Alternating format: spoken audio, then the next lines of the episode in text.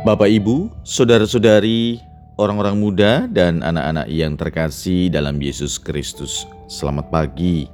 Salam bahagia dan salam saroja untuk kita semua berkah dalam. Bersama dengan saya, Romo Antonius Garbito Pambuaci menyampaikan salam dan berkat Allah yang Maha Kuasa dalam nama Bapa dan Putra dan Roh Kudus. Amin. Hari ini Sabtu 29 Januari dalam hari biasa pekan biasa ketiga. Bacaan pertama dalam liturgi hari ini diambil dari kitab kedua Samuel bab 12 ayat 1 sampai dengan 7a dilanjutkan 10 sampai dengan 17. Bacaan Injil diambil dari Injil Markus bab 4 ayat 35 sampai dengan 41. Pada suatu hari, ketika hari sudah petang, Yesus berkata kepada murid-muridnya, "Marilah kita bertolak ke seberang." Mereka meninggalkan orang banyak yang ada di situ lalu bertolak dan membawa Yesus dalam perahu itu di mana ia telah duduk. Dan perahu-perahu lain juga menyertai dia, lalu mengamuklah taufan yang sangat dahsyat dan ombak menyembur masuk ke dalam perahu, sehingga perahu itu mulai penuh dengan air. Pada waktu itu Yesus sedang tidur di buritan di sebuah tilam. Maka murid-murid membangunkan Yesus dan berkata kepadanya, Guru, engkau tidak peduli kalau kita binasa. Yesus pun bangun, menghardik angin itu dan berkata kepada danau, Diam, tenanglah. Lalu angin itu reda dan danau pun menjadi teduh sekali. Lalu Yesus berkata kepada murid-muridnya, "Mengapa kamu begitu takut? Mengapa kamu tidak percaya?" Mereka menjadi sangat takut dan berkata seorang kepada yang lain, "Siapa gerangan orang ini?"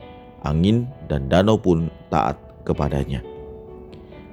Demikianlah sabda Tuhan. Terpujilah Kristus. Guru, Engkau tidak peduli kalau kita binasa. Pertanyaan para murid ini tentu pernah kita ungkapkan dalam konteks lain.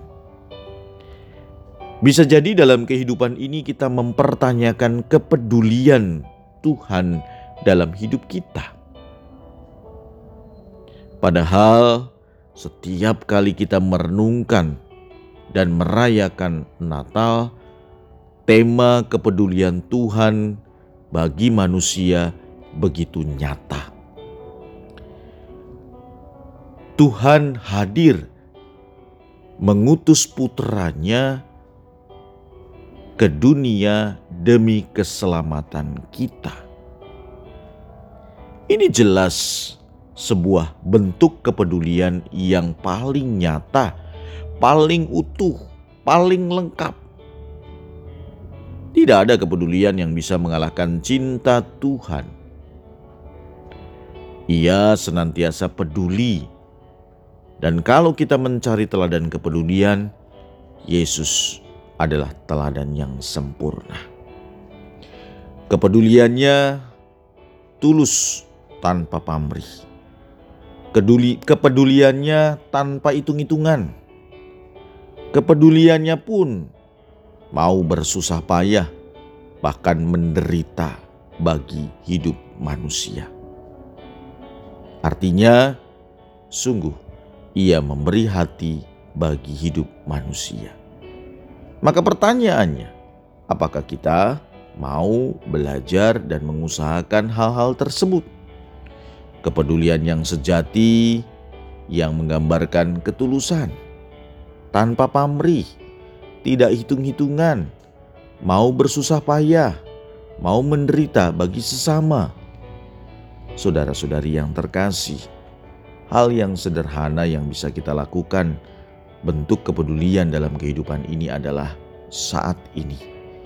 Bagaimana kita berusaha untuk taat dalam protokol kesehatan, menggunakan masker, mencuci tangan, menjaga jarak, mengurangi mobilitas. Semua itu bukan hanya demi keselamatan kita, tetapi juga bentuk kepedulian kita bagi sesama. Marilah kita berdoa. Ya Tuhan, semoga dalam kehidupan kami, kami semakin peduli dengan sesama kami dan semakin tahu dan nyata bahwa Engkau pun peduli dengan kami. Berkat Allah yang Maha Kuasa, dalam nama Bapa dan Putra dan Roh Kudus. Amin.